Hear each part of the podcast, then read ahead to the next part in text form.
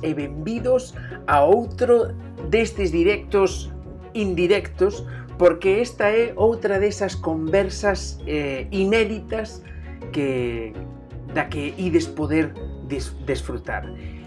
Hoxe imos coñecer un pouquiño máis de Carlos Jiménez, que é eh, un afamado actor de dobraxe, un afamado eh, locutor da Radio Galega, así como un grandísimo imitador, un dos máis grandes, senón o máis grande da nosa terra, eh, e tamén humorista xunto con Paco Lodeiro, un dos dúos cómicos de Galicia máis lonxevos, senón o que máis. A parte diso, eh, historiador, eh, enamorado de Exipto e un gran fan de A Guerra das Galaxias imos pasar a coñecelo e xa me dicides que vos parece. Carlos Jiménez, benvido a Lobeira Today.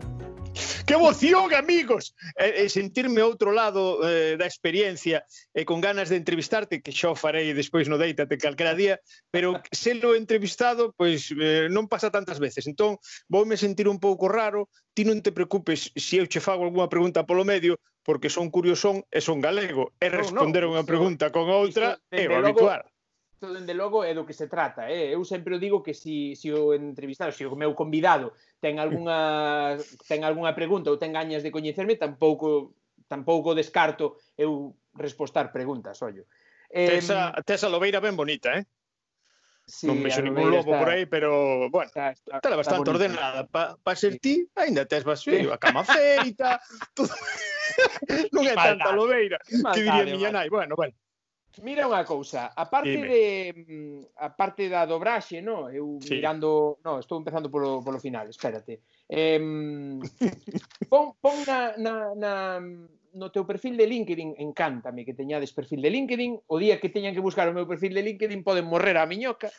Ese é mal, eh, mal, mal, mal sinal tamén que teña perfil de LinkedIn, porque os que temos perfil de LinkedIn estamos pensando calquera día nos despiden e hai que buscar traballiño, xa o teño feito. Espero que non. Saben que naciche en Ortoñiño. Está mal eso, eso está fatalmente fatal.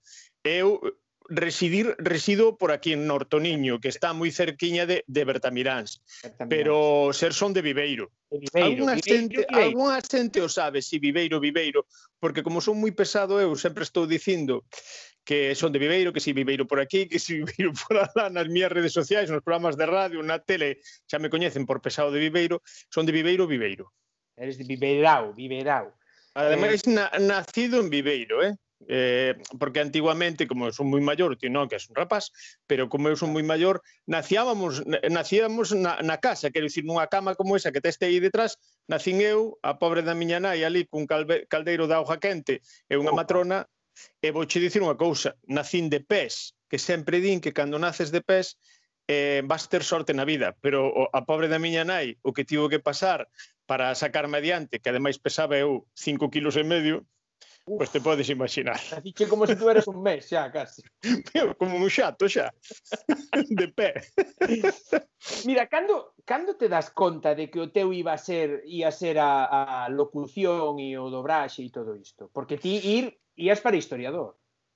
Bueno, eu fixen a carreira de historia o que a min me gustaba realmente, e sempre me gustou, aquí non se ve, pero por aquí teño un mogollón de, de cadros na casa, eh, a exiptoloxía. Eu sempre quixen ser exiptolóxico, ou, ou exiptólogo, perdón. Exiptolóxico sí que son pero eh, o Egipto ilóxico pero un profesor que tiña de, de historia na, na carreira en Santiago quitoume un pouco da cabeza, era o profesor Vigo, acórdome perfectamente, e díxome que, que realmente para estudiar eh, egiptoloxía o único que podías facer é ou irte a Estados Unidos ou irte a, ao Reino Unido que eran os grandes países, Alemanha creo que tamén, agora sobre todo está moi avanzada nestes estudos, pero como eu como bo galego son moi morriñento dixen eu que vou facer eu en Estados Unidos? Co mal que se come ali. Que vou facer eu eh, no Reino Unido que comen sándwich e ademais partidos así a mitad que son os inventores do biquíni e dixen eh, eu non podo facer pero como xa tiña a carreira empezada pois seguín, seguín, seguín adiante eh, cando iba máis ou menos en terceiro aquí está, estuve en Santiago pois deuseme unha oportunidade. Eh, eu xa empecé dobraxe moi, moi, moi pronto no ano 92, 93, máis ou menos. Mm. Eh, como eu sempre fui moi payasete e nunca tiven vergonza que a gastei toda, pois eh, estando nunha sala de dobraxe con Antón Cancelas, eu facía a, a Paulo Mármore, el facía a Pedro Picapedra, e como eu estaba facendo payaso, facendo imitacións, pois díxome, por que non te ves un día por aquí un programa que está empezando en Radio Voz, está empezando, quer dicir que levaban xa tres ou catro anos e que estaban triunfando, que estaba se chamaba Corre, Car... estaba empezando, que se chamaba Corre Carmela que chove, presento che a unha xente que coñezo e o mellor, pois, e fun para ali, e fixelle unhas voces, andaba por ali Ciro López, andaba por ali Paco Lodeiro, e todo empezou máis ou menos por aí. Eh, eu, de feito, empecei a traballar entre Dobraxe e o Corre Carmela que chove, despois na Radio Galega, e deixei prácticamente a carreira eh, un pouco aparcada, remateina despois, afortunadamente, e eso foi máis ou menos o principio da miña relación cos, cos medios de comunicación, coa locución, porque payaso eu desde pequeno sempre fun, era o que me botaban da clase, sempre dicían, da, da cadeira de Jiménez eh, pa, tres para atrás, todos fora.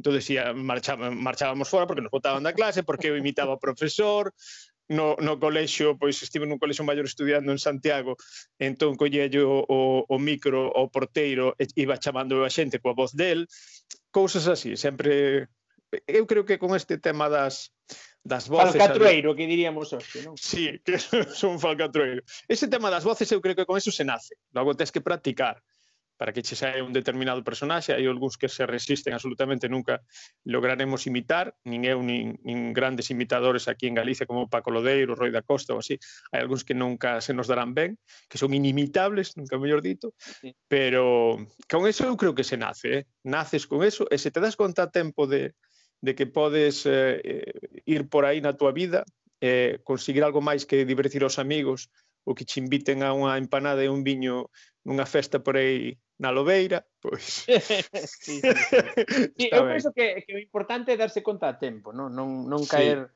Non, non convertirte nun, nun vello arrepentido, non?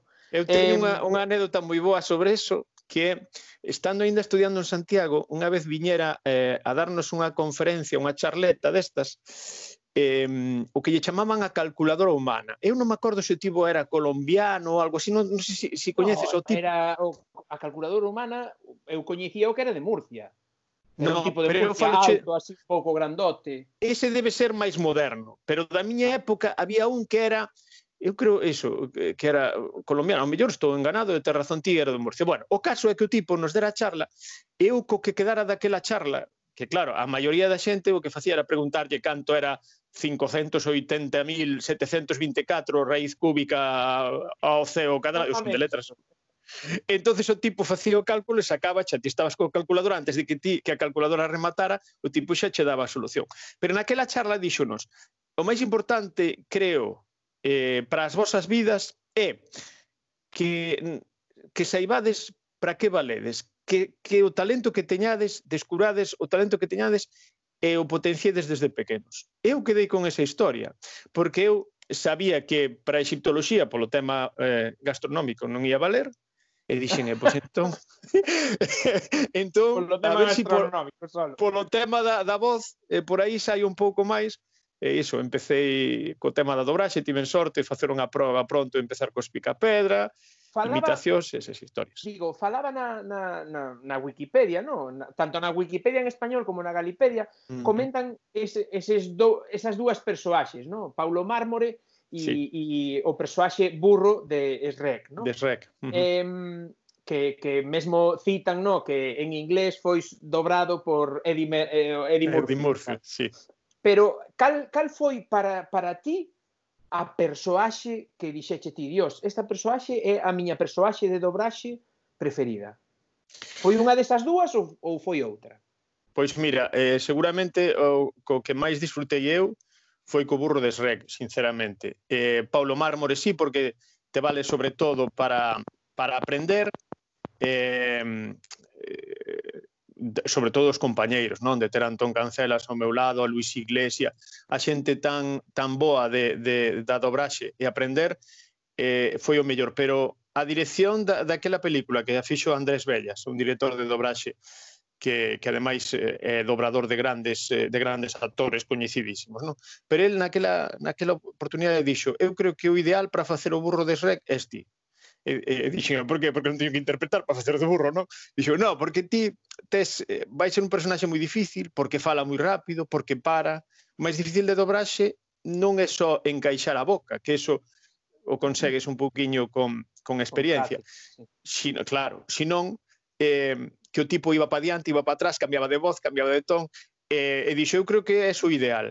E despois deixoume unha cousa que, que é moi importante, que foi a liberdade creativa.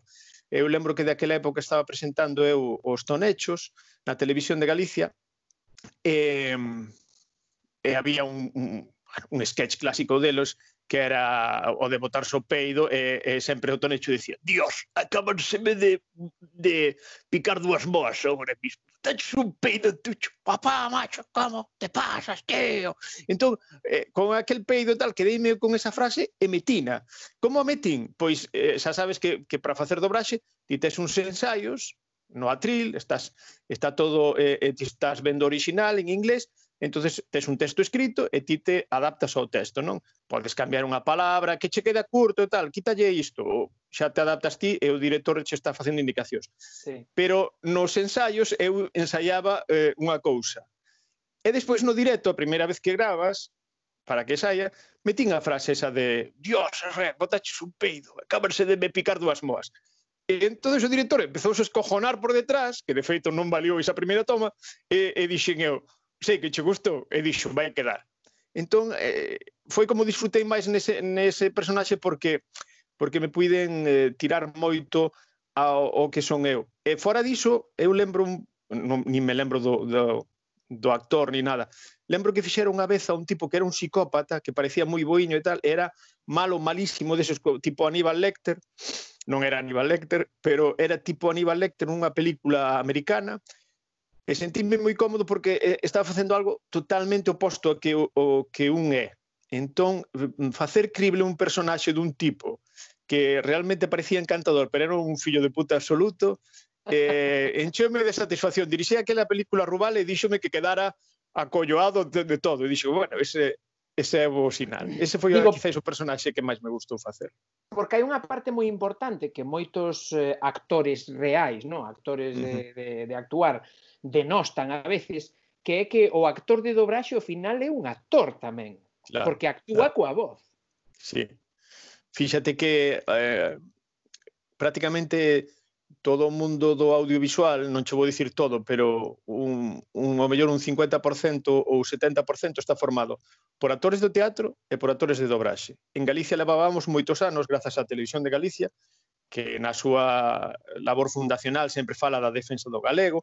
Entón, eh, xa se foi formando unha, unha serie de xente desde o principio, coa dobraxe sobre todo, para manexar o idioma mm, dun xeito natural, para que os nenos o aprendesen tamén dun xeito natural e, sobre todo, mm, formándonos actoralmente. E porque, claro, hai actores que, que non valemos para sair en pantalla. Eu fixen algunha, algún papel nalgúna serie pequeniña, pero, desde logo, eu creo que non é o meu. Sin embargo, ti aprendes unha serie de técnicas, sobre todo interpretativas, que ou te formaches antes no teatro ou simplemente te lanzaron ali ao atril por primeira vez eh, foches aprendendo dos que tiñas ao lado, e todo iso foi un aprendizaxe tan profundo que nos serviu, sobre todo, para esas series de televisión que agora vemos na, na televisión de Galicia tantísimas, hai moitísimos actores que, que saíron eh, da dobraxe, eh, agora corresme, por exemplo, Monti Castiñeiras ou Luis Iglesias, non, pero prácticamente todos os grandes eh, saíron da dobraxe, porque eh, foi un campo de formación, como, pois, eu creo como como ningún outro. Em, pos na, na, na, no teu perfil de LinkedIn, no? como, mm. ou como diría Roy da Costa, a, a rede dos parados, No, eh, Sabes como pos... me gusta a mí decir tamén o, o disquedín. O disquedín é o, disquedín. Eh, o, disquedín. Sí, porque ao final teño... ao final é o que dis ti, no? do teu que traballo. Din, de mí, claro. claro. Dis que din que este fai ben estas cousas. Mentira, é pero... Como que pon a quen pon eh, coñecementos medio alto informática, non? E despois preguntache, oye, como poño o punto e coma aquí no cuarto? Sí, e a negrita como iba? a negrita como se... Sí, sí. Digo, eh, pos tamén que eres administrador de redes. Administrador de redes da, de, na, na TVG, na CRTVG. Uh -huh. De que? Uh -huh. Pois mira, eh, eso, como me chama o meu compañeiro Carlos Alonso, que é o director do programa Zona Mixta de Deportes, eu son o Humanity Manager, non? eh, empecé hai 10 ou 11 anos, empecé por, por afición, sempre me gustou moito das redes sociais, logo formeime eh, con varios cursos de Community Manager, empecé a levar a conta de, de Galicia en Goles, unha conta que, que empezou, eh, creo que cando empecé eu levaba xa bastante xente eh, detrás, 8 ou 10 mil eh, seareiros, e foi crecendo a cousa, agora creo que a última vez que vin estaba sobre 51.000. Levo esa conta, si, sí, bueno, levo con outros compañeiros, si é, eu creo que é a conta eh, máis eh, que máis seareiros ten dos, dos medios de comunicación. Ten máis que a CRTVG. Sí, non? E ten máis que a CRTVG, que, que, que outra conta corporativa.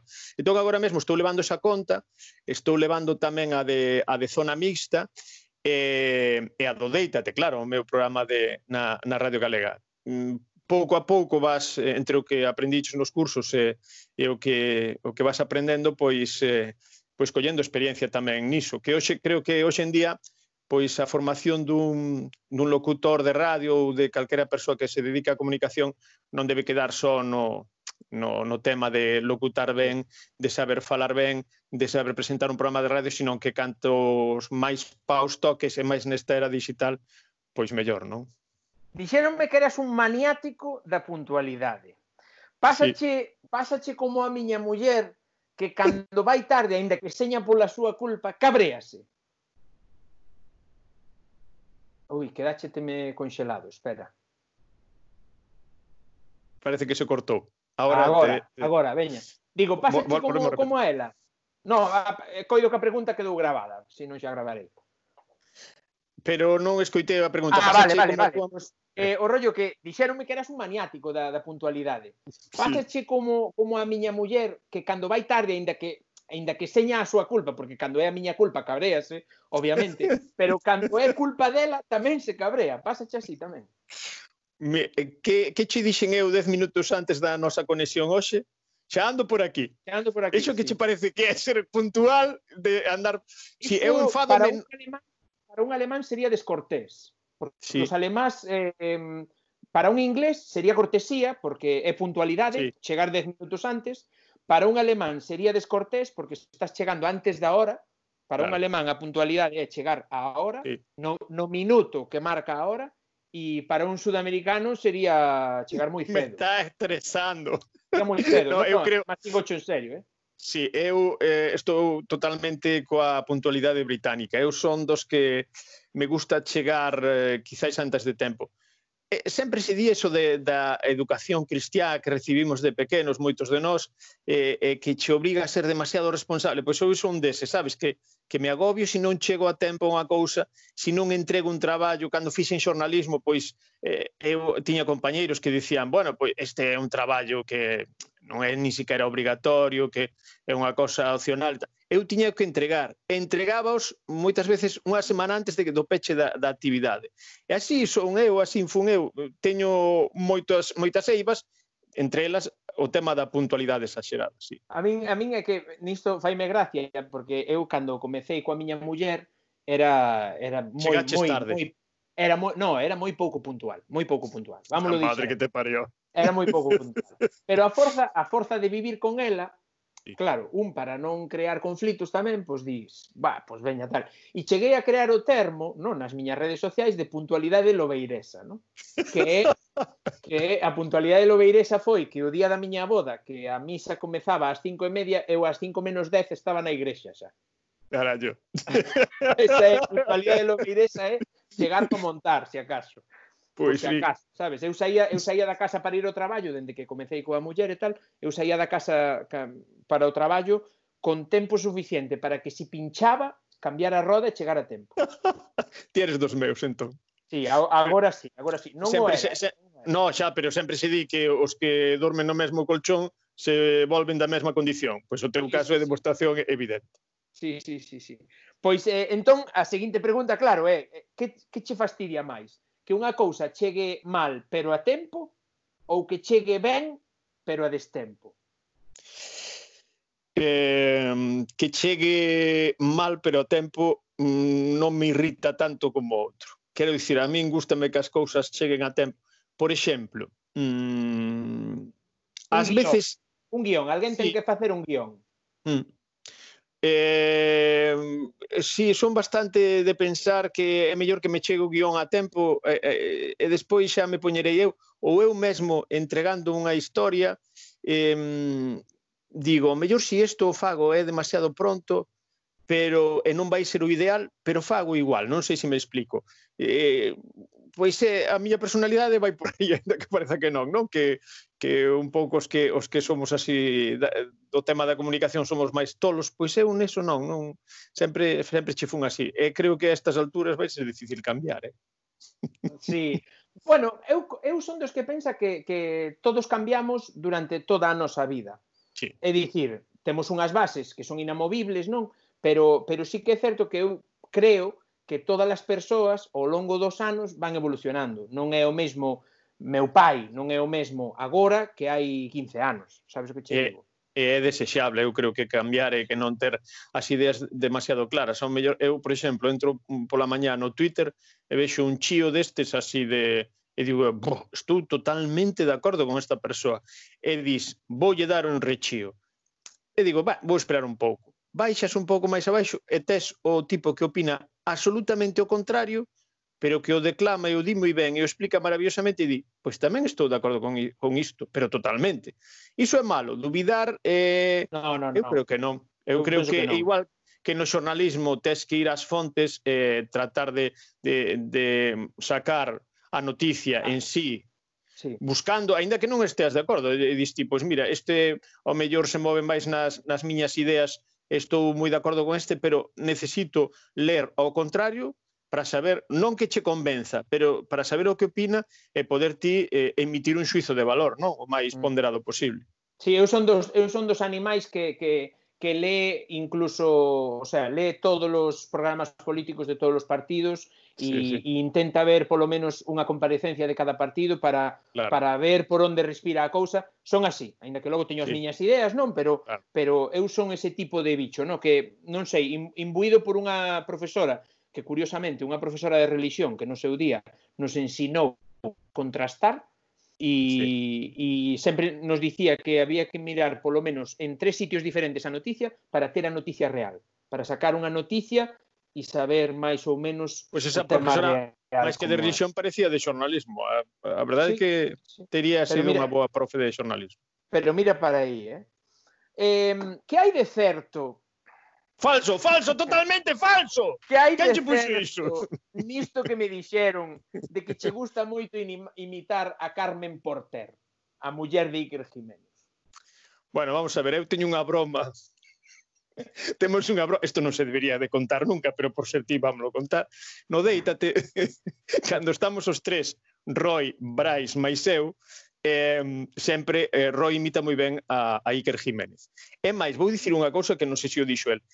Roy mm, deixa colorado a Miguel Bosé co conspiranoico que é. É moito máis aló disso. É moi seguidor de Iker Jiménez. E respeta moito. Pero imita moito e fai no con coña eh, con esa... E a mí sempre me fixo graza o de Carmen Porter, mm, porque eh, eu dixenlle un día, Roy, tens que imitar a Carmen Porter. E dixo, pero é que non ten nada moi característico. E dixen, como ten os dentes un pouco grandes, tes que facer así como se si enganchara un pouco os dentes, non sabes? Entón, Bryce indignouse totalmente e dixo, pero si eso non se parece. Entón, cada vez Eh, a min basta que me digan unha cousa que non debo facer ou que non debo dicir pa que a diga, non? É como se si eu sei que a ti, Fran, non che gusta que te chamen e digo, sabes? Dice, non lle chamedes isto de, de nome que mellor Francisco ou Fran, pero non lle chamedes... Eso, basta Paco. que mo digan sí. eso. Non lle chamedes Paco que non lle gusta, sabes?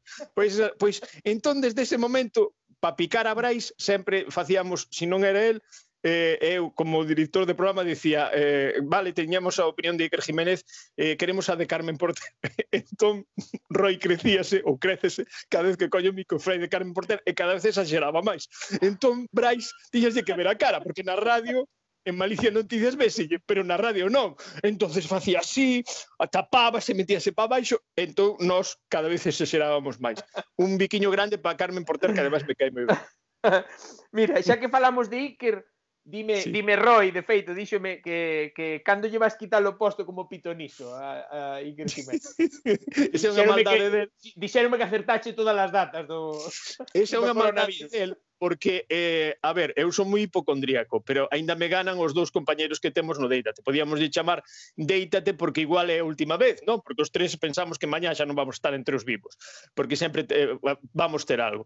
Entón, eh, Roy, mm, a parte de hipocondríaco, é moi seguidor de Iker Jiménez. E cando foi todo isto da pandemia, pois eu trataba de quitar importancia, porque eles dicían, ai, isto da pandemia, cando estaba en Buján aínda o, o tema, e nós... E eras, lógicamente, eras o, o Lorenzo Milá do trío, non? E, e era o Lorenzo Milá, isto é unha gripeciña de nada, para pero non porque pensar eu, que pensar eu que, que a cousa non ia ter importancia ou non, sino que era máis un desexo e tamén unha forma de tratar de despreocupalos eles, porque non veas o, o, como estaba. Entón, Roy sempre me dicía, Iker Jiménez xa dixo o día, non me acordo, imagínate que empezou toda a historia pois en marzo, pois xa eh, en febreiro xa el dicía que isto iba a ser unha cousa moi perigosa, eu quitaba esa importancia. Entón agora sempre me está con iso de eres un pitoniso e tal, e claro, hai que baixar a cabeza. Acertache, acertache. Acertei plenamente. que non ia ser nada, non? Mira unha cousa, eh, vexo, polo que vexo, no? e sí. dixeronme tamén que eras fan eh, acérrimo de Star Wars. Sí. Eh, eres dos que sí. agora, cando revisiona pelis, porque eu tamén me gusta moito Star Wars, e me tiñe ese vicio a Lucía, non chego a, a, a tolemia tampouco, no? porque non teño tempo, pero, pero gustame moito no? todo o tema uh -huh. de Star Wars e tal. E de feito fun eu o que lle mosou Star Wars a Lucía por primeira vez. Pero Lucía é das que ve as pelis en orde numérico. Primeiro o episodio 1 e por último o episodio 7 ou 8, non? Uh -huh. E eu, sen embargo, son de velas por orden de creación. Dame uh -huh. igual a historia, ti de cales eres. Ti cal crees que son eu? Porque a miña filla vouche contar agora a historia, pero a miña filla, que ten oito anos agora, que fixemos neste confinamento de tres meses onde tes unha cativa pequena que non vai ao colexio e fai os seus deberes e tal que fixemos todas as fin de semanas pois ver as películas de Star Wars pero todas, eh, ata Rogue Squadron eh, todas, creo que lle queda de ver a de Han Solo porque xa lle dixen que era tan mala que ata lle quitei un pouco as ganas de, de verla ben, é mala, verdad? é que é mala. moi mala, é moi mala, é moi mala pero eh, a cuestión é ti como crees que a vimos? porque claro, a miña muller tamén é bastante aficionada, non é friki como son eu, pero é bastante aficionada. Ti crees que empezaríamos a ver pola 4 ou ti pensas que son dos que do, dos de vela 1 2 3 4? Paso xa a pregunta como bo galego. Eh, pois non sei, é que eu son de velas por orden de creación. Eu tamén. Así foi como lle puxen, porque ademais como eh, a primeira, a segunda Dame igual. A primeira, a segunda e a terceira, como bo friki de Star Wars, consideramos que son pois ah. chafallada. A, claro, as peores. A, a, a cuarta, a quinta e a sexta son Star Wars. Claro, esos son maravillas. Ademais, por ese, por, por esa orde, incluso te pode gustar máis o Imperio Contraataca, que sería a quinta, máis incluso que a primeira. Pero eu creía, dixen eu, si quero que a cativa se enganche, porque ela non tiña ningún interese, eh, sempre me desprezaba, me dicía, papá, sempre andas coas camisetas de Star Wars, os Stormtroopers, é unha chafallada, tal. Teño aquí unha espada láser que despois xa xa vou encender, porque é unha espada láser, eh, vou, cho, no, vou, vou, vou coller o, o rollo e vou xa ensinar. Por que? Porque con esta espada láser eu casei a un amigo, un dos meus mellores amigos. Que me di? Mira, aí ves que teño moita cousa de tal. Hostia. Pois eh, estes amigos meus, eh, en realidade, casei no seu, pero daquel xeito. Eles casaron eh, un... A ver, me inclino eu, pero non caio, eh? eh eles casaron o día anterior polo registro civil, pero despois que, querían que os casara eu. E fomos os dous e sacamos estas espadas que me regalou el. A ver si, si o vemos aquí ben en pantalla. Esta, esta espada é unha perfecta imitación da, da real, da, da de da de Darth Vader, que é o que teño aquí. Sí, sí, sí. Eh, unha pasta a el. El tiña de Luke Skywalker. Entón, sen que a muller soubera nada, unha vez que estaban casados e cando se iba a producir o baile nupcial, ela pensaba que iba a bailar con el. Entón, nese momento, nós xa tiñamos tratado co, co local que apagar as luces, apagou todas as luces, entón dixemos esa cousa tan machista que non se debe dicir nunca que que na ten máis grande. Entón sacamos cada unha a nosa espada, encendimos o pitorro e estivemos facendo unha luita ali espectacular de sables láser na boda que foi o, o grande éxito. E como che dicía, a miña filla ao final acabou eh, con esta revisitación, como ben dicías antes, das películas de Star Wars, pois eh, gustándolle moitísimo, cada fin de semana me dicía, papá, temos que ver a seguinte, temos que ver a seguinte, con dicirche que lle gustou incluso a primeira o ataque dos clones, eh, gustoulle Jar Jar Binks, todos os personaxes que odiamos todos os frikis, sí. A mí patíname moito. Muller, a mí... Claro, a mí patíname moito tamén. A muller incluso, despois de velas moitos anos despois, porque ela ten a mesma idade que a min, pois eh, gustarlle moito. Eh, eh, eu creo que as vira todas, pero volver as ver, eu creo que o Imperio contraataca, sin exagerar a última vez que perdín a conta das veces que a vira, foi 20 e pico veces de vina ver. E que pensas como como mega fan e friki de, de Star Wars, que pensas das revisitacións que fixo George Lucas, das modificacións que lles fixo? Pois mira, non me gustaron nada esas tres películas, algunha cousiña sí que está ben, pero mm, gustame máis... No, pero faloche eh... dos remasterizados que fixo das vellas. Ah, os engadidos, eh, por exemplo, esos bichiños sí. que metía logo por ordenador, sí. tampouco me gustan, son máis partidario do original. Teño as dúas versións, eh, te debo ter algunha en cinta VHS, e eh, despois eh, debo ter a, esas mesmas, eh, pero chamou má atención que, a, que a, a cativa os nenos ven con outros ollos e non lles chamaba atención nós porque o sabíamos. Entonces non notábamos nada raro aí, nin nas imaxes, nin a digitalización, a remasterización, nin os engadidos. Eles sí que neso non, non notan nada. E ven se é entretida para eles ou non, eh, non se fixen en moito máis. A min gustaronme moito máis eh, as que fixo Disney, sin ser unha gran maravilla, gustaronme máis porque son prácticamente calcos, non son nada orixinais, son prácticamente calcos, incluso diríache que cronolóxicos de cada unha das películas a, a que fan un pouco homenaxe, non? Eh, os personaxes igual, hai escenas prácticamente iguais. Eh, o que máis me gusta de todo este universo Disney é de Mandalorian, a, a nova serie esa que, Uah, que fixer, brutal, que me pareceu... Brutal. Non me esperaba nada, nada en absoluto, o mellor foi eso, Eh, pero despois sorprendíme con, falando con outros frikis, incluso algún compañeiro da radio, algún técnico que, que é moi friki, Isidro, que o saúdo desde aquí, pois eh, gustáballe moitísimo Mandalorian, ao mellor estábamos min, no capítulo 13. A min gustoume moito, e, e gustoume so, sobre todo que, que eu creo que, que ao mellor a ti pasouche tamén, que estabas agardando toda a serie que se quitara o casco en algún momento sí, e non sí, quitou sí. unha triste vez o tipo. Nada, o sea, teñen, nada. teñen un atorazo sí. un actorazo, porque é un sí, actorazo. Sí, sí, é un actorazo. Facendo de Mandalorian e non amosan a súa cara en ningún momento para xustificar, eh, aquí está o que custou este fulano que... Sabes en que me fixei eu por deformación profesional? Na, no bozarrón que tiña, porque vina en original con subtítulos. Mm. Porque, eh, sabes que nos pasa coa dobraxe moitas eu veces... Tamén, eu tamén, eu vin o... Por deformación... Pro... Claro. Spoken tiña un bozarrón espectacular e, e esa interpretación así como clásica, como moi british, non?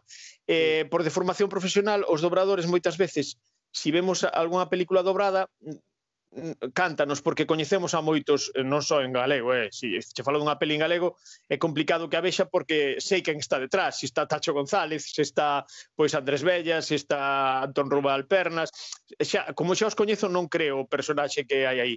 E incluso en algunhas pelis en español me pasa. Eh, esta funa vendo en original con subtítulos e xa che digo, gustoume moito a interpretación de, do tipo. Despois vin algún documental deses eh, a, a, a posteriore, pero xa non me xa non me desgarra, interesou. Desgarra un pouquiño a voz, faina así sí, como sí, voz, sí, sí, sí, sí. Sí, sí, eh, sí. está moi ben. Eh, imos pola segunda parte da folliña esta. E ben, eh, cantas hai, sabe Dios. No, unha sola, unha ah, sola. Ah, bueno, vai, vai. Tampouco... tampouco... Si non, vamos a aburrir a xente.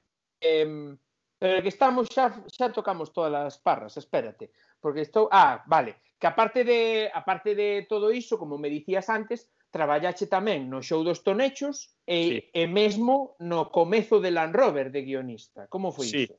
Pois mira, no show dos Tonechos eh, empecéi facendo o apuntador da concha, por dicilo así. Eu eh, había hai unha cousa, vamos contar un pouco de intrahistoria daqui que seguramente me vai perdoar tanto Robert como Víctor, vanme perdoar sen ningún problema, eh, sempre facíamos un pase do, dos guións antes. Xa sabes que en calquera serie de televisión se fan pases de guión. Eu coñecía os tonechos da época en que eran gravados hasta que se fixo o show dos tonechos en directo. E un día Robert e Vito chamáronme e dixeronme Carlos, mira, que queremos que fagas eh, un pouco isto que sexas a voz de presentación, vas a ir ti tamén en pantalla, saía eu con un, tra un traxe moi troquelado que parecía un, un payaso ali espectacular, e que, eh, queremos que me fagas de apuntador, e que te metas comigo, dixome Roberto, e dixen, pero como que che faga de apuntador, que, que che vou apuntar eu, que é un tipo, a me Roberto un tipo moi rápido pensando, pero que pasaba? Que mm, Víctor, Víctor Fábregas, aí onde o ves, o tipo nunca, nunca, nunca fallaba unha frase. Non só sabía o seu guión, o guión que, que tiña el as súas frases, sino que sabía dar os pés e sabía os pés que tiñan os actores de antes. Entón sabía absolutamente todo. E Robert é máis, como ten esa xinalidade do improvisador fantástico que é, pois el non sabía tamén os guións. Entón, a parte diso, había unha cousa moi boa, hai unha cousa moi boa de Robert. Robert eh, ensaia unha cousa, no seguinte ensaio faiche outra, no seguinte ensaio faiche outra e no seguinte ensaio ao final ou no directo faiche outra totalmente diferente. El vai observando as reaccións que temos os que estamos ao redor, sexamos eh, guionistas, sexamos cámaras, sexa o público que tamén vai aos ensaios, e, eh, eh, con todas estas cousas, el ao final vai buscando o mellor gag, o mellor chiste. Entón, eu moitas veces se tiña que apuntar porque el mismo xa me decía, ahora mismo estou perdido, non sei nin que puñetas tiña que dicir, Jiménez, entonces eu apuntaba aí nese momento, quedaba moi simpático, porque date conta que era os tonechos live, non? Que era os tonechos en directo, era a primeira vez que se facía uh -huh. un programa destes, unha, unha sitcom así en directo, que eh, era a primeira vez que se facía na televisión de Galicia. E creo que foi unha experiencia moi chula. E despois estivera de, de guionista eu con, xa con, con, con Lan Robert, cando cando Robert quedara co programa El Só, estive un par de anos, o que pasa que eu considero que o meu como guionista non me sinto tan a gusto como estando en pantalla ou estando poñendo a voz ou facendo dobraxe ou facendo imitacións ou non chou dicir presentando. facendo radio. Ou facendo radio presentando o meu programa. A radio para min é, é algo que que vicio. faz pero non che enche logo. Ser guionista. Mm, si fago os guións dos meus propios programas, sí, porque de feito eh cando se guioniza o Déitate, pois eh, colaboramos entre os tres, eu levo un pouco o mando, que por algo son o o director, pero me gusta, sabes, escoitar a todo o mundo. Non son ríxido en dicir, pois isto é así, como me fai graza a mí, pois ten que ser así. Pero sí me gusta preparar eh, os meus guións, lóxicamente. Incluso son dos, hai xente que lle gusta moito improvisar, eu gustame máis ir un pouco polo rego, non? Coller e, e facer máis ou menos saber como vamos a levar o programa. Despois, coa tranquilidade que me dá iso, que eh, ao mellor ben deso que falábamos antes da puntualidade, sí. coa tranquilidade que te dá ter pois a má malla debaixo de, para non caer da carpa e pegarte o, o tortazo, pois sí que xa improvisas, te sentes moito máis cómodo e despois Brais e Roy son dous cracks espectaculares e sempre aportan moitísimo. Ademais, ti lle podes dicir tanto a Brais como a Roy eh, Brais, que che pasou outro día pois en Santa Comba? Entón xa tenche el sete minutos falando do que lle pasou porque boísimo iso. o lle dis que, que, che, que che improvise unha imitación E o tipo é tan bo que empezas a escarallarte de risa, o mellor non podes seguir o programa, que nos ten pasado moitas veces, non? Porque eh, entendo que o Deítate é grabado, non está de salida a noite ou, ou é en directo. No, no, é grabado, é grabado. Pasa que iso eh, non se sabía hasta ahora, hasta este momento, pero sí, sí que, sí que se sabe, xa facemos cachondeo con eso, que, de, sí. de que gravámolo e tratamos de facer, mm, non che digo a temporal, porque é imposible, ir, pero non ir pegadísimos á actualidade do día como vai, por exemplo, por un, por un exemplo Malicia, Galicia, sí. non? que vai pegado. Nós tratamos de facer un humor un pouquiño eh, non che digo atemporal, pero tampouco ten que ir tan pegado a Sí, para a que non pase isto, no, de que a veces que a veces pasou yo malicia, no, que que vai tan pegado á actualidade que a veces algo que foi actualidade, imagínate, como os programas saltan de mércores claro. a domingo, algo que pasou o xoves, Claro, sale no programa do domingo sí. e, e este rollo, no, estou no vendo coa muller e dime a muller, pero eso xa foi o xoves. Claro, e dice, e date claro, conta... pero xoves non hai programa. Claro, e na época das redes sociais que eh, quero dicir unha cousa, impactante ti non lle tes dito moitas veces á muller que che, oe, sabes o de, eu que sei, agora mesmo, sabes o de Miguel Bosé, o que dixo das redes 5G, tal, non sei que o tipo foi a cabeza e tal, e dixite, pero iso xa foi de onte. Como sabes, como dicindo, iso é antiquísimo. Eh, e, e, foi de onte, pero de onte pola tarde, e agora mesmo xo está contando pola mañá ás 10 ou ás 11 da mañá, e dixe, vai por aí e tal. Claro, na época da, das redes sociais, do consumo tan instantáneo, o consumo este Nesquik, non, eh, parece que todo vai quedando quedando xa desfasado. Por iso nos gusta eh, facer rir, sobre todo, eh, polas voces, pois Roy, pois eh, facer algunha voz eh, eu tamén, ou por anécdotas, aínda que sexan atemporais. Si Brais me conta, cando estivo en Bulgaria e o que lle pasou tratando de ligar cunha rapaza que resultou finalmente ser a filla dun mafioso dali e que lle sacaron unha pistola, pois esas cousas eh, teñen graza a contes agora ou a contes dentro sí, de, de tres meses, non? Claro, claro. Eh, mira unha cousa, poden levarse ben dous cómicos durante moitos anos?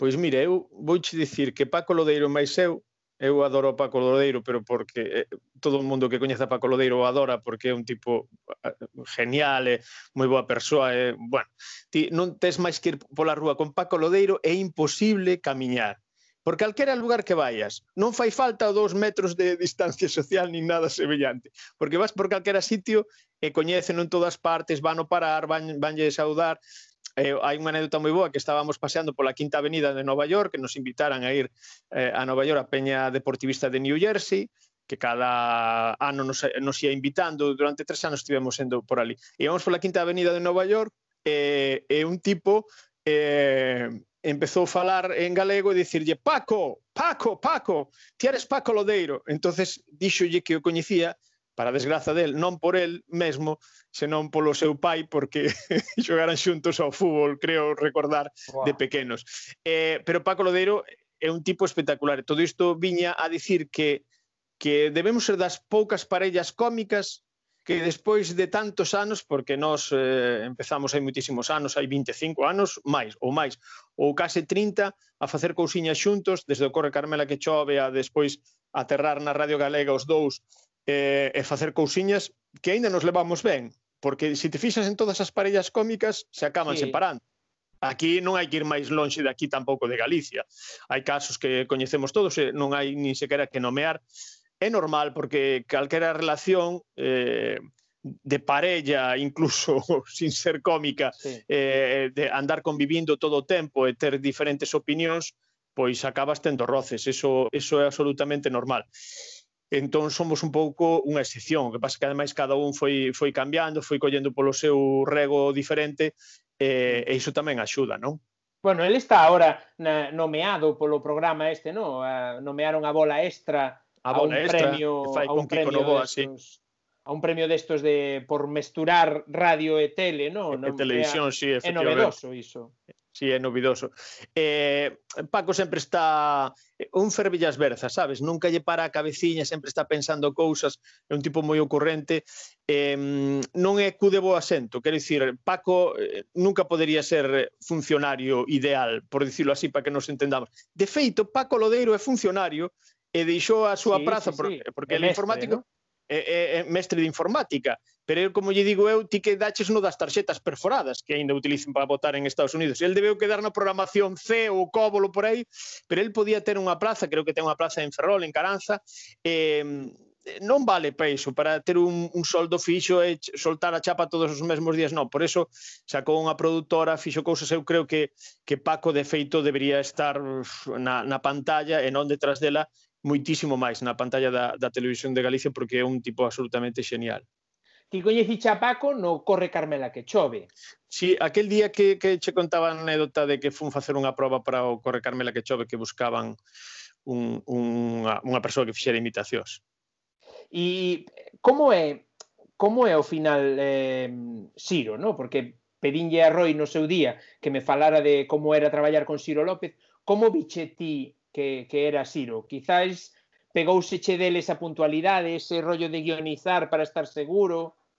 Pois eu eh, hubo, Xiro sempre facía efectivamente os guións de, do, do Corre Carmela que chove, que eran uns guións, por dicilo así, moi clásicos, no que sempre íamos buscar o humor clásico, porque eh, o, o, o fundamental de Corre Carmela que chove eran as boas imitacións. Entón, se ti te podías imitar a Fraga neste momento, pois... os, ou salía Paco Vázquez, efectivamente, e tal. Entón, eh, eh, xa a propia imitación facía moita graza. E Ciro andaba eh, sempre moito coa actualidade política, porque ele era eh, é caricaturista eh, político, sí. non? Entón, eh, sempre levaba as cousas por aí. Eh, lembro que houve unha época, que foi cando eu me puxen eh, xa di, directamente a, a traballar con Paco Lodeiro, que Xiro por unhas cuestións personais tivo que ir de viaxe e fixo os guións Paco Lodeiro. Paco Lodeiro deulle un aire menos político e máis eh, tolo, non? Mais tolo as personaxes e tratou pois, a Ruiz Mateos, daquela estamos falando, xa che digo, dos anos 90, de Felipe Pero González de Rumás esa época, entonces deulle un aire máis tolo. Eu sentime moi cómodo. Entón, eh, a partir dese momento, pois había xente no, dentro do, do equipo que dicía, pois a mí me gusta máis estilo este máis político, e outros dicían, pois non, a mí gustame máis este. Empezaron un pouco as diverxencias e finalmente eu pois eh, decateime por ir con Paco porque me divertía moitísimo máis, montamos risoterapia e desde aquela pois empezamos a facer cousiñas entre os dous. Eh, Corre Carmela que chove seguiu uns anos pero xa non estábamos nós, nós fomos á radio.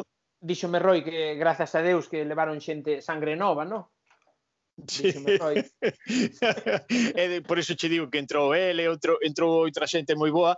Eh, o bo de Corre Carmela que chove, aparte de ser un programa icónico, non? que despois ata representábamos en, en teatros, un programa icónico na radio que levou moitísimos premios, os principais premios que se poden levar neste país e que son un orgullo para todos, pois eh, fixo un pouco de, de trampolín, non? Para lanzar a moita xente e para, e para dar a ver a xente que facía imitacións moi boas, como é o caso de, de Roy, non? Uh -huh. eh, por certo, Roy, que coñecíchelo eh, actuando con el nunha serie piloto que, según sí. Roy, está nun caixón da TVG sí. guardada, Guardada. E máis e máis nas nas festas da Ascensión de de Santiago. De Santiago de Compostela que no estivemos os dous no 2014 eh, deranos a oportunidade de facer un piloto dunha serie de, de televisión que iso, que está agardando en algún caixón pero eu pasei non moi ben con Roy divertime moito, non o coñecía, non sabía. Porque a verdade é que cando empezamos Paco máis eu, co tema das imitacións había moi poucos imitadores en Galicia. Eh, sorprendeume en atopar un, un imitador como Roy tan bo E despois eu recordo especialmente aquela noite da ascensión que pasamos moi ben, que rimos moitísimo no camarino. Eu coñecín a, a súa moza daquela, agora muller, se non me equivoco, creo que, non sei se, se estaban casados xa, pero bueno, debían de estar aí ou a piques ou, ou xa casados, pero hai pouquiño tempo.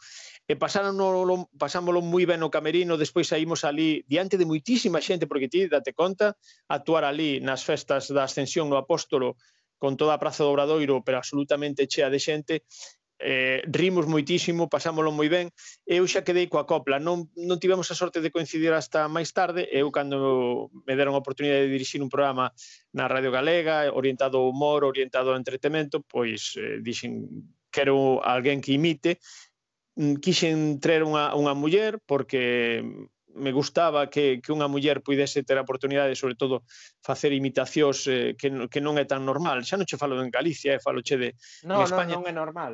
Non é nada normal, e eh, creo que había que normalizalo. Eh, atopei unha rapaza, pero por cuestións de, de estudos eh, estaba facendo unha carreira, eh, era de Lugo, viñalle moi mal, vir a Santiago, e eh, tiña medo de perder un pouco pois ese curso, creo que era o dos últimos que tal. Eh, creo que era unha candidata ideal, eh, entón non puidemos contar solo con ela. Entón tamén, a parte de, de Roy, escuitar a falar de moito de Brais, que xa traballaba na Radio Galega nas tardes, eh, eu creo que foi un acerto porque facemos un equipo moi moi conxuntado. E creo que se nos nota, no? que cando estamos tres xuntos que rimos moito, pasámoslo sí, moi. Que, o certo, sí. o certo que se nota moito cando nun programa hai bon ambiente e cando sí. non. Eso ao sí, final inherentemente á profesionalidade que, que moitas veces se tira de profesionalidade e se pode ah. enmascarar, pero sempre hai algún detalle que deixa ver quen cadra con quen. Si ti estás eh, como espectador, eh, eh, como, como acabas de dicir moi ben, hai xente moi profesional detrás, ao mellor non notas que se están levando mal ou, ou, si, porque ou non es, se nota tanto. Ou non Solo se nota notaría tanto. alguén que o ve de sempre. Aí está, claro. o que veo, o que veo de sempre e nota esa diferenza entre como empezou unha cousa e como está indo. So, imagínate o caso que falábamos antes dunha parella humorística ou alguén que traballou na tele ou que coñece entre historia, non? E que sabe algo máis de bambalinas, non? Entón aí sí que podes notar, pero o resto non o podes ocultar. Entón, se si ti tes un mal rollo mm, con alguén do, do grupo, vais a notar antes ou despois. Eu creo que, que o ben que nos levamos os tres moitas veces cando nos dá a risa, eh, sabes, é un programa grabado, pero deixamos tal cual ou como queda, non, non editamos, sabes, non, non editamos, aquí deu-nos a risa e non podemos seguir e tal. O, o técnico sube música ou sube sketch e tal, e quedamos escarallados ali da risa, e danos igual, porque eso é con natural. Eso demostra para min que, sabes, que facemos moi moi bo equipo. Eso, sí, sí, sabes, sí, o difícil que é atopar sí. Eh, tres persoas que se leven ben e que, e que funcionen como equipo, eso é complicado. Aparte, tra transmítese ao final ese, ese ese bo rollo, ¿no? ese bo humor, sí. ao final transmítese, ¿no? Claro, que, que é do que se, do que se trata. Claro, ao mellor non eres o máis simpático do planeta, pero si, si faz disfrutar o que está escoitando do outro lado, e sobre todo entreterse, que diga, oh, xa pasou o programa, que quede con ganas de máis, pois mira, xa o conseguiches. Dime Brais, por certo, ahora que falamos de Brais, vale, dime que te molles, que digas eh, Deítate ou Galicia en goles? Eh, deítate.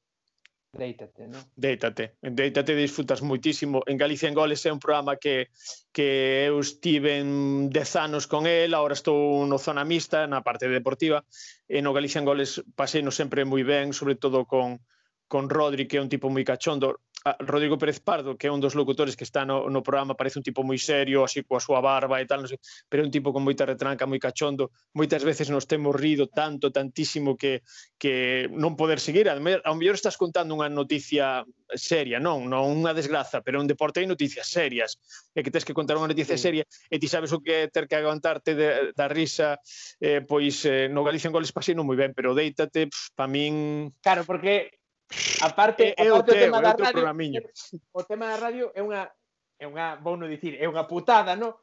Porque o, o escoitante, no? Como di a Pepa Bueno na Radio Nacional, sí. o escoitante sí. só escoita. Pero claro. que eu poido estar diante túa poñéndoche caras e facendo claro. tonto, e claro. ti tens que guardar a compostura e que a túa voz sone Mira, normal, que non sone ti sabes a sensación, vou xa explicar agora, e, vala, e, e vas entender o que nos pasa cando pasan esas cousas na radio. Ti sabes a sensación de estar no colexo, cando ibas a unha clase, e che están contando unha cousa que te estás cojonando de risa e o profesor ao mellor está falando de algo super serio, incluso dunha tragedia ou de algo. Imagínate, estás en clase de religión, están falando dun tema moi trágico, da morte de Cristo, por exemplo, non? Está a cousa moi seria e ti sabes que non te podes rir e sabendo que non te podes rir, dache o triple da risa que che daría nunha situación normal. Mira, Eso contar... é o que pasa na radio. Vouche contar unha cousa, porque isto é certo, e xa te, xa te deixo aí, deixo che gasolina aí, para que entendas o lume. Para cando te, eh, te entreviste. Eu caín da moto, os tres meses de mercar a Harley, metime sí. un fogonazo coa Harley, vale? Caín nunha curva, entrei un pouco rápido demais, e, e, sí. e cousas de, de moteiro novo, frenei co freno de atrás, bueno, foiseme de ah. atrás, patinou pola erva e caí nunha cuneta ali, descoloquei un monte de leña ali a un fulano, non? E bueno, descolocaches os osos todos tamén. Descoloquei, sí, descoloquei un pouco o corpo, quedei 14 días de baixa por unha contratura muscular na espalda e tal. Bueno, o caso é que eu cando me ría, doíame. Pero doíame, eh, pero de dor, eh? Claro. E o, e o cabrón de meu cuñado. Sempre hai un cuñado por aí, non só para dicirte o que debes pensar, sino para joderte e facerte rir. Pois o mala persona de meu cuñado, que eu quero moito, que me cae moi ben, e falo moitísimo con el, de feito, pois o cabrón de meu cuñado nunca tanto veu pola lobeira a ver como estaba e tal, e a facerme chistes o cabrón. E cada vez que facía un chiste, eu tiñame que ir todo encollido, sabes, facendo... tiñame que ir ao salón e quitar as ganas de rir, pero claro, cantas, canto máis tentaba controlar as ganas de rirme, máis risa me daba. Entón decidín, ao, ao cabo de cinco días máis ou menos, rirme, aguantar a dor, sabes? Rirme unha vez e, ou te dopabas ou te escarallabas de risa, porque senón, eso tenos pasado moitas veces na radio, ahora que estás dicindo ese rollo de decir, non podes eh, rir nun programa serio, e, eh, eh, sabes que é peor, que, que, que cada vez vai ir a máis, non? Pero é unha sensación ao tempo moi gratificante pero que che fala de profesionalidade, que tes que aguantar moitísimo para non escojonarte nunha situación. E tes moitos casos de, de pifias que salen en televisión e cosas así, de xente que está presuntamente moi seria que se escojona, ou políticos no, no, no Congreso. Hai moitos exemplos mesmo hai xente, mesmo hai xente, eu teño algún parente que lle dá a risa nerviosa. E sí, de sí. coña, o sea, que me claro. está dicindo? Se están contando unha tragedia e ti, claro, é que che dá, claro, claro. un, Eso é unha bueno, putada. Eh, eso, é unha putada, pero importante é ser natural eh, eh, e, e se che pasa iso, pois mira, non, no, pedir desculpas, pero tamén dicir, home, somos humanos e, e pásanos, non? Dicíame, dicíame no seu día, cando entrevistei a Osvaldo, no? a Osvaldo Digón, sí, dicíame, sí. oye, pero pásame algunha pregunta e tal, e non sei que. E dixenlle eu, no, porque o que eu tento facer nestes directos é non perder esa frescura, non, nin esas caras de cando pregunto algo e dicir, ah, que cabrón, mira, sabía eso e tal sabes, ese, esa reacción... Esa é a regla número un do, do, dun bo entrevistador, que non lle pases as preguntas, é o que che di na facultade, polo menos. Fíxate que outro día, ti máis eu, cando estábamos quedando simplemente para, para hoxe, para, para falar, xa co, co que nos gusta falar os dous, xa empezamos a falar e xa che dixen un momento, vamos ter que cortar, porque senón va, vaise perder frescura para despois de cousas que estamos sabendo un do outro e que nos van sair na, na conversa. Sí, sí, eh, porque eh, creo que para, sí, que sabe moito máis fresco. Para, hai que dicir que para o que está vendo isto, estivemos canto tempo estivemos falando daquela, Carlos? Pois eu creo que estivemos vale. tranquilamente media hora, 40 minutos. Media hora, 40 minutos. Para né? concretar. Só para, só para dicir, ois, pois pues, para semana tal, miramos, sí, sí, a ver que quedar. Ben, ben, que tal. E sabes que me contaron de ti? Bueno, esa, é donde é a Lobeira? É esas cousas que empezamos a falar, o da moto, é esas cousas, E ao final casi estivemos o, o tempo que vamos estar agora, non? Mira, pasoume hai nada cunha rapaza que entrevistei o, o Luns, que me parecía é unha das seguidoras da Lobeira, unha das que leva máis tempo, non? Seguindo a Lobeira e tal, e parecíame moi interesante entrevistala porque é unha rapaza que que era enfermeira, puxos a estudiar para medicina, xoga o Quidditch no, Ajá, no Luns sí, sí. Compostela, E, sí. e a parte molalle moito a cultura xaponesa e tal, non? Así ten un punto friki un pouco que tal. E falando con ela tal, fixen o directo que os estou facendo máis ou menos axustados dunha hora, no? máis ou menos, é o que levamos, levamos 55 minutos agora mesmo falando, e, e cando acabei de facer o directo, chameina e estivemos outra hora Claro dando ya liga. O ideal das entrevistas é cando acaba a entrevista e o entrevistado che di que xa acabamos e aínda seguía unha hora máis e de feito foi o que fixestes, non? Sí, sí, e tamén sí. me parece moi interesante o que acabas de dicir unha cousa é eh, entrevistei a unha das nosas principais seguidoras porque eu creo que eh, agora co, co tema das redes sociais que falábamos antes, non che falo como community manager, senón como usuario. Co tema das redes sociais, tes moita xente ao lado, eh, ao outro lado que está moi pendente do que faz, no teu programa, no tua e, e esa xente tamén necesita unha cancha. E eu creo que, que debe ter eh, un espazo no que, no que expresarse. Eu, por exemplo, teño intención, e xa hai tempo que a tiña, de entrevistar a, ao tuiteiro, a Abel, que en redes é moi, moi activo, é moi seguidor do Malicia, de, de Lobeira, que te, xa, xa lle fixeches a entrevista, sí, sí, sí. do Deítate, é unha persoa que, que me parece moi cercana é que ao mellor a xente normal lle vai parecer tímida, pero eu creo que esa xente tamén se ten que coñecer. Por qué?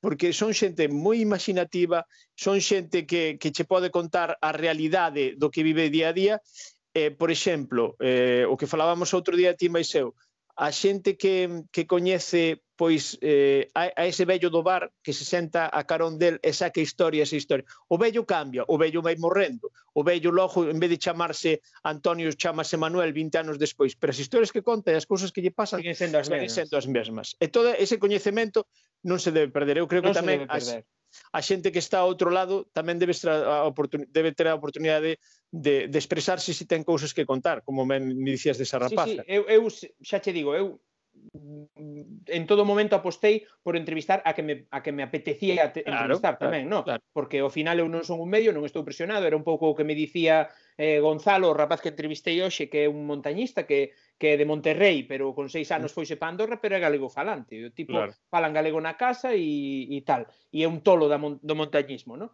E el dicía aproveito que... para decir, aproveito para decir que tes moito mérito cando fixetes esa conversión e dicir a partir de agora vou empezar a falar en galego, oxalá moita xente fixera como a ti e eh, fan moi, agora está moi de moda eso dos eh, neofalantes en galego sí. eh, eh, toda esa xente que casi se avergonza e dice que son neofalante, empeza a falar que non se avergonza ao revés, que teñen orgullo e que o demostren nas redes vou sociais. Dicir, vou dicir o que dixo Marcos Maceiras, o presidente da mesa, sí. que dixo sí. non existen neofalantes nin paleofalantes, claro. existen galegofalantes. Aí sí. está. Dixo así, sí. eh? Se o dio presidente da mesa, que me estabas dicindo deste rapaz que... Dicíache deste rapaz que o entrevistei hoxe, pero foi mo fío, foi mo fío. Ibache dicir algo que falamos na, na entrevista, algo que lle falei, pero foiseme, foiseme completamente. Bueno, non importa, era algo que... Era algo que, que estaba aí... E eh, sí, que che iba, estábamos, que falando, estábamos falando de entrevistar a xente... Sí, a xente que ten cousas que contar e que, eh, que ele estivo destes desde os seis anos... Sí, sí. Sí. Non sei, non, non, non volvo, non me volve o fío. Pero bueno, iso, que, que... Ah, iso, que el dicía que había xente que lle gustaba a montaña e que tiña o mellor pois un banco detrás, que o patrocinaba e que tal, claro. e que iso o único que facía era meterlles presión e incluso leválos a cometer algunhas veces erros, non? Porque claro. el dicía, eu chego claro. ao Cáucaso e vexo que a condición meteo non está para subir a montaña e non subo. E fun sí. ao Cáucaso, pasei o tempo ali e oes, pois sirveume de aprendizaxe, volvo claro. e outro ano xa volverei. Pero claro. esta xente que leva a presión detrás, pois sí. o mellor Entón, Paso que eu pasa, lo. neste aspecto, como non estou presionado, porque ao final eu non vivo disto, eu fago isto porque me gusta, pois eh, pois é unha entrevisto a... moi importante, claro. A quen che dá claro. gana e preguntas o que che dá gana e eh, e fagas en un límite, no, porque tampouco me gusta poñer espadas no peito nin poñer a xente contra uh -huh. as cordas, no? claro. É unha, un camiño que non quero seguir. Entón, mm. mólame falar e, e saber da xente e, home, que me gusta falar xa se ve, non? Pero... pero... Foches dar en pau comigo tamén. sí, pero bueno, normalmente, normalmente salvo con... Mira, pois pues curiosamente, salvo con Abel, que, sí. que é un tipo máis ben introvertido e, e, sí. e Abel custoume moito sacalle cousas e pode ser na entrevista que fixen na que máis falei eu. Sí. Sabes? Falei de min porque... Pero porque además... ele é moi introvertido, pero ten moitas cousas que contar. Ti estás falando sin gravar e sin micro e tal, non sei que con el, ou estás vendo as cousas que pon no Twitter, eh, no, no, eh, ollo, ten moitas contou... cousas que dicir, eh? Claro, que me contou moitas cousas que estuvemos con Abel Steven case, estuvemos falando case dúas horas, eh? Mi madre. Case dúas horas hai de directo, que é, penso que é o seguinte pois directo. O máis largo, sí. Seguinte, o seguinte podcast que vai salir na canle de podcast. Pero pero falamos moito porque tamén el me preguntou a min. El dixo, oh, claro. Fran, isto? E entón íbamos un, un toma claro. e daca, non? Íbamos claro, aí claro. unha túa, unha miña, unha túa, unha miña. Entón eu, como sabía un pouco a historia, porque xa falara con el por Twitter e tal, pois iba lle tirando un pouco da lingua e tal, todo de cabeza, porque aí aínda non preparaba as, as, as entrevistas, non, agora xa, xa fago un papeliño de guión, algo, para sí. non perderme moito, pero porque porque é certo, e foi Abel o culpable de que eu empezara a preparar as esas, non? Porque cando eu iba a entrevistar a Fede Pérez, eh, dime Abel, eh, prepararás algo, non? Para, para, para preguntarlle tal, e dixen eu, jo, e eu iba a ir a peito descoberto, sabes? Iba a ir sí. co pouco que sabía, iba a me tirar aí a piscina dicindo, aquí estou yo, o da Lobeira, sabes? Aquí estou eu e vou sí, sí. todo e tal. E dime conta de que moitas veces non coñeces a xente. Claro. O sea, de que moitas veces crees que coñeces da xente claro. e cando te pos a investigar dis ti, hostia, pero este pavo, sabes, pasoume, mira, pasoume con Fede, pasoume con con Lucía, pasoume con contigo, pasoume con Brais, pasoume con Roy, pasoume con un montón de xente que eu pensaba, eu quedaba menos que coñecía. Claro. E non Pero iso ademais, iso ademais eh, eh Eh, se o coñeces ti o vai coñecer moita máis xente, entonces a entrevista vai perder interese, desde o meu punto de vista. Eu trato sempre de entrevistar a xente, a Fede mesmo ou a Touriñán, tes acceso a xente de importancia, non quero que me conten ou Víctor Fábregas, non quero que me conten o que o que, o que sabe todo o mundo. Lados, sí, claro. Xa contaron. Seguramente algunha desas anécdotas sí que van salir na entrevista, pero eu me quero que me que me conte, por exemplo, Víctor Fábregas metelo entre a espada e a parede e dicir, "Por que te enfadaches con con Roberto? É certo que non vos falades. Pasou isto, pasou outro." mentres, pero 10 minutos antes ou 20 minutos antes estabas falando de cando el estaba eh, traballando nunha, nunha garita como mozo de seguridade e o seu pai lle dicía non deixes o da garita, aínda que estea salendo na tele agora, todas esas cousas vante levar a, a unha entrevista de confianza, a unha entrevista de bar, que digo eu, tomando sí. un café, como estás con un colega, sí. e logo a persoa, se, si, se, si se atopa a gusto, vai che contar moitísimas cousas que realmente si van ser interesantes non só para ti, que se che interesan a ti tamén lle van a interesar a xente, sino que nunca contara o mellor, non? Eu non pretendo sacar unha exclusiva en cada entrevista que fago. Non, nin, por suposto que, que non. Pero eu creo que, que a xente coñeza a outra cara, a cara B de, de Fede, non? Que saber as, os seus intereses francés eh, na lingua, que sempre foi unha persoa que, se, que, que aparte de que é lingüista, que sempre timo moito interés por defender a lingua, eh, saber como é a súa intrahistoria, como eh, o que se poida saber da súa familia, como lle influiu na vida. Todas esas cousas creo que son moi interesantes para, para que a xente as coñeza. Sí, non? Coincido plenamente. E, e é algo que non estudiei, eh? xa che digo, o sea, eu como mm. militar chego a isto por, por mero gusto, por, por, claro por ser moi escoitador, moito máis escoitador de radio eh, cando era neno que agora, porque mm. perdín moito a radio, porque por traballo non poido ter a radio nas orellas todo o día, e pero sí que é certo que, que é unha cousa que sí, sempre me gustou, sempre foi moi curioso. Eu creo que a clave sempre está eh, na palabra que acabas de dicir agora, na curiosidade. Se unha persoa é curiosa, mm. vai desenvolver Eu creo sabes que, que me pasa, Carlos? Sabes que me pasa? E xa estamos comezando a divagar. Pero sabes que me pasa? Pois pues que... entonces hai que cortar. Que son moito... Que son Ademais moi... me queda 10% de batería. Claro, claro. No, no, estamos, estamos rematando xa. xa isto, isto é o que se di nas presentacións de PowerPoint xa eh, última, últimas diapositivas. esa, ou dice esa coletilla de xa para rematar, Eh, sí. Penúltima pregunta, pero sempre última. Sabes que me pasa? Eh, que cando algo me supón un reto, me toma a fondo, sabes? Sí. E perdeme e perdeme a gracia cando xa o domino, cando xa claro. cando xa me vexo moi solto ou creo que o domino que nunca nunca un chega a dominar o 100% no, nada, nada, pero cando cando creo que, por exemplo, pásame moito editando vídeo, ¿no? O típico truco de, de eu fago así ahora coa má e na má ven a botella, ¿no?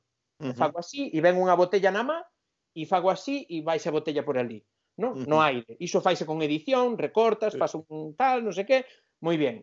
En canto fixen unha vez, xa, xa non pulo, xa non pulo, porque xa sei como funciona. Non chego ao punto de dicir... Non chegas ao punto de dicir, teme que quedar perfecto, porque xa sei como vai quedar perfecto. Claro, vou no perfeccionar para que... Non, nunca, no. nunca cheguei a ese punto de, de, da perfección. Sempre me perdeu a maxia antes.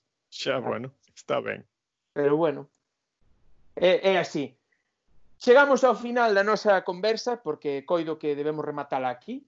Sempre uh -huh. queda aberta a porta a unha segunda conversa en algún momento. Sempre que queiras.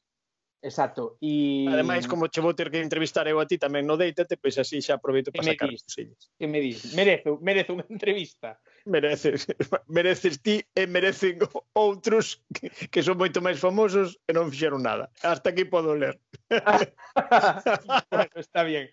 Pois, eh, nada máis, darche mil e unha grazas por, por, por acceder no, a isto. Sei o que lle custa a xente que normalmente está no outro lado da entrevista ser entrevistada. Son Eso coñecedor sí. disto. Eh, non, non, non sodes como a min, que son un farandulero e un verbenero, que, sempre, que chego a un sitio e teño que ser o xefe da festa ali. Non é incompatible. Eh?